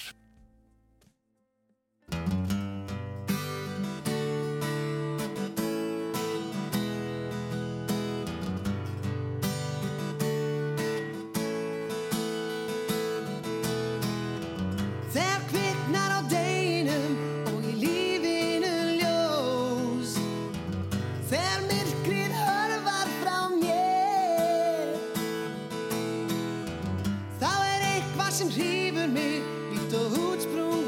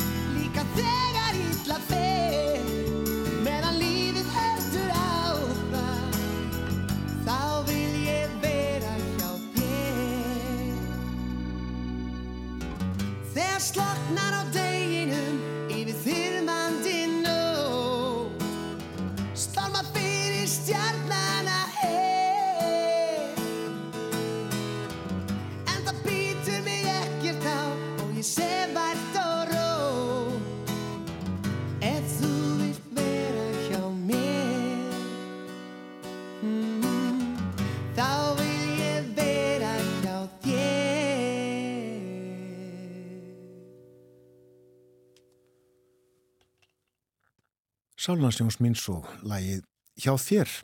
Höfundurinn Guðmundur Jónsson, Gummi Jóns, 60 í dag. Veðrið núna á sunnundaginn var það ekki jafn vond og útlitva fyrir og minna um tjón en óttast var. Tjónið var þins vegar mikið í óveðrinu mikla í september, 20. og 4. og 20. og 5. september. Og á mándagsmorninum þar á eftir heyrðum við hér á morgunvaktinni í Jóni Byrni Hákonarsinni bæjastjóra í fjardabigð. Hann sá okkur undan og ofan af ástandinu í sveitafélaginu út frá því sem að þá lág fyrir og við erum aftur komin í samband við hann. ætlum að fá að vita hvernig mál standa nú þegar tekist hefur að meta þetta allt saman. Heill og sæll og góðan dag. Góðan daginn, góðan daginn. Liggur fyrir heildar mat á tjóninu? Sko, við erum nú ekki búin að ná meira þess að endalega utan og ennþá en við vitum það núna náttúrulega það hleypur á hundruðu miljónum í, sem sagt hjá fyrirtækjum, einstaklingum og stofnunum hérna í ferðarbið og það er náttúrulega hvað mest eh, á reyðafyrir. Það sem veðri var langsanlega náttúrulega aukafylst og, og svona stóðu lengi og hér var mikið tjón og það er á ljóst. Það er, dringafélagin eru enn að meta tjónið. E, til minnst hvað snertir sveitafélagi þá, þá erum við búin að fara í gegnum svona fyrsta mat með okkar dringafélagi en við erum, þurfum að fara til þess í úttekt á uh, húsnæði slökkuliðsins sem við erum með út á mjóarahöfn hérna á reðafyrir en það hús var verulega ítla út í þessu veri og hérna er nú nýlegt. Og hérna þannig að það er, við munum fá verkfræðistofa því að meta meta húsið, það var svona það var svona samkomla okkar á milli okkar á dringafélagsins bara til svona að sjá hvort að burðaverkið þess hefur orðið fyrir eh, meiri skemmtum heldur en við höldum. Þannig að það er svona ennþá verið að ná utanum en, en það við vitum það nú þegar og, og það sem komið er að þetta er á, þetta leipur á 100 miljón. Já, og það eh, skemmtust já og stór skemmtust jápil bæði gömul hús og ný. Já, og, það, það, þetta, og þetta var náttúrulega, þetta sko, sjáum við veður ofsin er, erum hér náttúrulega um, um allt, um allan bæin en En svona hvað mestur er hann á, á hafnarsvæðinu og hérna það sem náttúrulega eins og sáðan skemmtir verða á slökkust en það verður líka skemmtir já, á álverinu út í já, fjaraðáli. Það er skemmtir hjá Eimskip þar og, fleiri fyrirtæki sem þar eru staðsett. Enda sko dönsuðu gámar, stórir fristigámar þeir dönsuðu um, um hérna svæði í þessum veðurósa. Þannig að, að, þannig að það, var, það gekk mikið á sannlega þar og svo sem voru skemmtir miklu víðar heldur en þar en það eru mestar og reyða til langt mestar hérna... En einhverja skemmtir sem sagt í öllum byggða kjörnunum í sveitafélaginu þeir Já, eru svona... 6-7 er það ekki? Jú, þeir eru 7 það, það voru svona þetta misjafnaði rúður og bílar og, og klæningar og svo leiðis þetta minna en svo náttúrulega já, okkur helst til að eitthvað um 140 stór tríi vítt og breytt sveitafélagi. Þau ripnuðu annarkort með rótum eða brotnu. Þetta var, þetta var tíu fullin löfskrúð ennþá þegar þetta skall á að taka á sem meira veður. Þannig að þau bæði náttúrulega slitnu upp og, og allir þá einhverju tjóni upp líka. Við höfum verið aðstofa íbúa við að reynsa og verðum áfram í því að aðstofa íbúa við að reynsa í burtu slíkan e, meðal það að sagan við tríð sem ekki er hægt að og fjarlæga fyrir þá sem ekki hafa tök á því sjálfur. Að þetta er svona, þetta er heilmikið eftirleikur eftir svona aðstæðinu sem gefur að skilja og hérna enda, enda vinstyrkum með ólíkindum og, og líka hversu lengi hann stóð. Það er nú kannski það sem gerir þetta veður líka ennþá sérstakara. Það er hvað, uppundið 30 tíma erum við að svipuðum vinstyrk sem er svona óvanlegt. Þegar maður fá á þessu svona kvelli þá standa þeir í kannski 2, 3, 4 tíma, ganga svo niður. En hérna er lengi, svona lengi samfæltið mikill vinstyrkur. Og það er já ennverð að, að uh, reynsa og, og uh, laga. Já, það er enn verið að laga. Þannig búið svo ná vel utan hreinsunum fyrir þannig að það er ennþá verið að vinni að reynsa fyrir þrjágráður og fleira. En brak, en svo vitum við þannig að núna við, og við höfum verið að skoða það sveitafélagið að, að þegar við höfum einbeitt okkur á þéttbílunum en við þurfum að fara hér út í, út í hérna, líka hér út í dreifbíli. Við vitum að það hefur reikið heilmikið af, af svona braki á land á suðuströndur eða þeirra sem náttúrulega fög þá haf út og rak svo yfir. Þetta þannig að allt, allt, allt saman að reynsast. Svo náttúrulega fögu fjárhús í breytal og, og fleira þannig að þetta, þetta kom víða við, þetta veður. Þetta það, hérna, það hafði mikil áhrif. Já, og það hefur líklega farið um ykkur þegar uh, veðurspáinn fyrir síðasta sunnunda var gefin út. Já, okkur fannst við eiginlega ekki þurfa á, á, hérna, á framhalds þætti að halda strax sko og fannst nú ekki og enda tóku þetta með alvarlega og almanna nefnd var hér í viðbröðstöðum helgin og fundaði með ekki myndum hættu við reyndum undirbú okkur eins vel og við gátum fara hér yfir allt sem var svona þekkt og hafði orðið fyrir tjóni og ekki var búið að lagfara að verja það. Og það fóð nú sem betur fyrir bæði náttúrulega var veður betra hér á fjörðum heldur en heldur en var spáð og, og hérna og svo held ég bara fólk hafi verið vel undirbúið og, og tók þetta með alvarlega og þannig að það fóð nú sem betur fyrir eh, svona yfir á þess að teljandi tjónir, eitthvað minniháttar fóktjónveiti á djúbái en, en annars sluppuðu nú nokkuð vel. Og, og við skulum vona að þetta verður nú eitthvað til friðis núna sko. þetta, þetta er orðið, við erum búin að taka alveg ár skamtinn, finnst okkur sko. Ég tek undir það með þér, en uh, starfsemi sem að mögulega stöðvaðist í uh, september verinu, komst hún fljótlega að stað aftur? Já, já, hún komst að stað aftur og menn gerði þær aðstafinn til að koma inn á stað og en eins og ég segi komið svo svona í, í, í sömu skorður það stendur enn yfir því að við gerum standa enn yfir. Og, og hérna en það komst nú svona menn gáttu nú gert það stannu og gardi eins fljótt og hægt var að, að hægt var að koma til starfsum aftur, aftur á stað. Katrín Jakobsdóttir fósættisáþur að vera í heimsóknar um daginn. Já, Katrín kom og það, maður fann það og mikill og maður óendilega þakklátti fyrir alla þennan velvilja sem var fundið svo víðar frá af og Katrín kom hér austur og, og skoða að mitt átti við okkur samtal. Heimsótti líka múlating og er ferð sem þetta bæði, bæði þessi öll þessi samfélag svona, e, fengu þetta fengu svona skelli á sig. Það er einmitt rættu við þessar það er það sem við sjáum að náttúruvá Íslandi við höfum þetta skilkjönd lengi náttúruvann okkar út frá ofanflóðum eða snjóflóðum og skriðafullum út frá eldgósnum og járskjálta en það eru bara komni náttúrulega fleiri þættir miklu fleiri þættir inn í það inn í þau inn í þá vá sem við þurfum svolítið að undirbúa okkur undir. Og við áttum mjög gott samtali um það, svona hvernig við segjum hvernig við þurftum sem samfélag á Íslandi heiltíðin að horfa til þess að alveg sem undirbúning og, og, hérna, og upplýsingar og, og fleira og svona gagna söpnum til að byggja á til framtíðan það er spár sem við þurfum að gera Og svo náttúrulega bara fyrir minni að fara að horfa til þess að það er náttúrulega að gera þetta víttækara hvernig við bætum eftir svona tjón að eftir því sem, eftir því sem við þessu náttúruvanni eftir því sem hún breytist og það er umfóksmeina þá þurfum við að horfa líka til þessu í, í, í bótum í kringu að hvernig við ætlum að halda utanum það. Þannig að það var, var vegulega gott samtal og gott að hitta fórsætsöðurinn og, og jáfnframt voru hér þing með og ferðinni og tóku hér húsa okkur og, og skoðu ummerki. Þannig að ég held að það sé heilmikið svona, ég held að við séum öll á því hvað sem við stöndum nú í stjórnkerfuna að við þurfum að horfa með miklu, miklu svona vítakari hætti til hvernig við tökumst á þessu aðstæðar og hvernig við tökumst á eftirleikina. Já, En með tringamálin er uh, óvisa hvað þau varðar? Sko það er ekki óvisa kannski hvað varðar fóktjóni bætt þegar að minnstyrku verður ákveðin á, á eignum sem eru náttúrulega skráðar og tryggðar. En auðvitað liggur alltaf heilmikið utan garðs í þessu. Svo er það líka hvort að allir séu með lausafjörtryggingar svo kallar eða tryggt lausafjör sem getur tjónast líka. En svo vitum við náttúrulega að það er ímis mannvirki sem kannski út af standa sem ekki eru tryggð sem eru þá að liggja óbætt frá gardi og, og svo náttúrulega hreinsun og kostnaður fleira. Þannig að það, af þessu skapast heilmikið kostnaður sem getur svona leigið auðvitað bæði hjá sveitafélaginu, getur leigið hjá fyrirtækjum öðrum.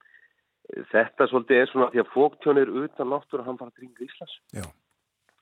þá er þetta bara einn af þessum einn af því sem við þurfum að svolítið að, að vinna með núna, ég held að við þurfum að og ég held að ég finn það að fullur stuðningur á því en já, lögjafanum að við, við skoðum þetta mjög ég segja með opnum hugam og, og svolítið rætt hvernig við tökumst á við og hvort þessi í góðum tíma við horfum á einhvers konar í staðin fyrir eh, að hér verði einhvers konar hamfara sjóður til sem getur tekist á með mismundi mismundi sviðismyndir eins og vinsaltala núna í, í náttúrhamfara. Já, það er nú þannig á Íslandi tala nú ekki um uh, að vetralægi að, að það er yfirleitt alltaf stutt í næstu lagð.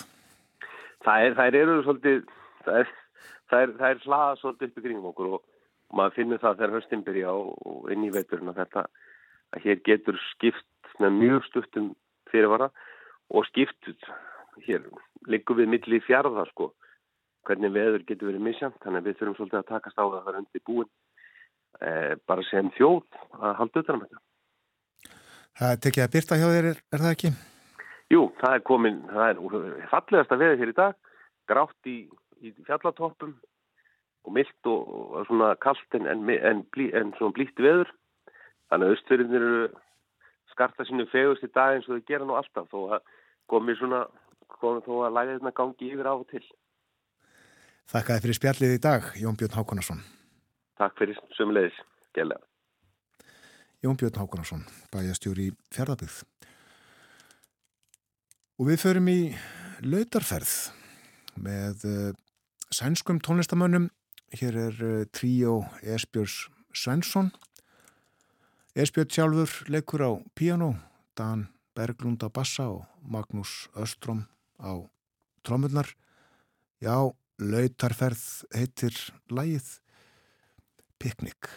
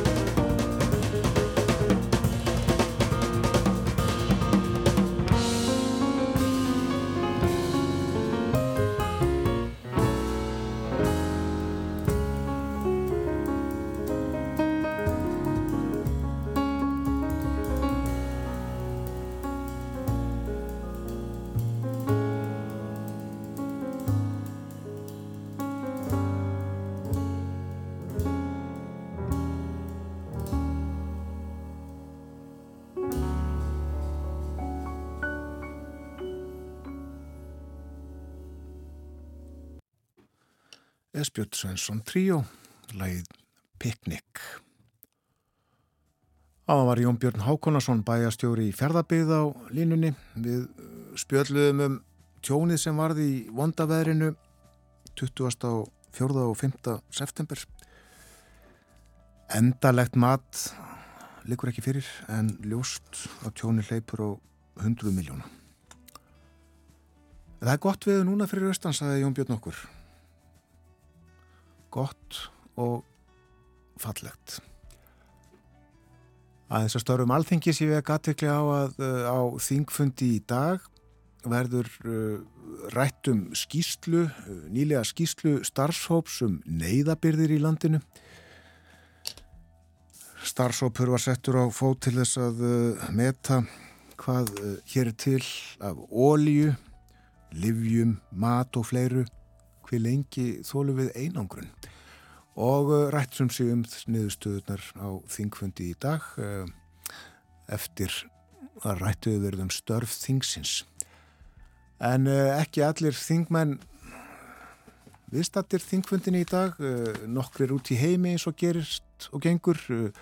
Nú stendur til dæmis yfir þingfundur Evrópuráðsþingsins og hann setja Birgir Þórarinsson, Bjarni Jónsson og Þórhildur Sunna Ævastóttir og Í dag hefst líka haustþing alþjóða þingmannasambandsins og það setja tveir alþingismenn, Jóhann Fridriksson og Simundur Gunnlaugsson, Simundur Davíð Gunnlaugsson og þetta þing, haustþing alþjóða þingmannasambandsins þar fer fram í Kigali í Rúanda. Þeir Jóhann og Simundur sem sagt komnið þongað eða á leiðinni allavegana. En morgunvaktin verður ekki lengri í dag. Við bjóðum góðan dag í fyrramáli þegar klukkuna vantar tíu myndur í sjö. Þökkum samfélgina í dag. Verðið sæl.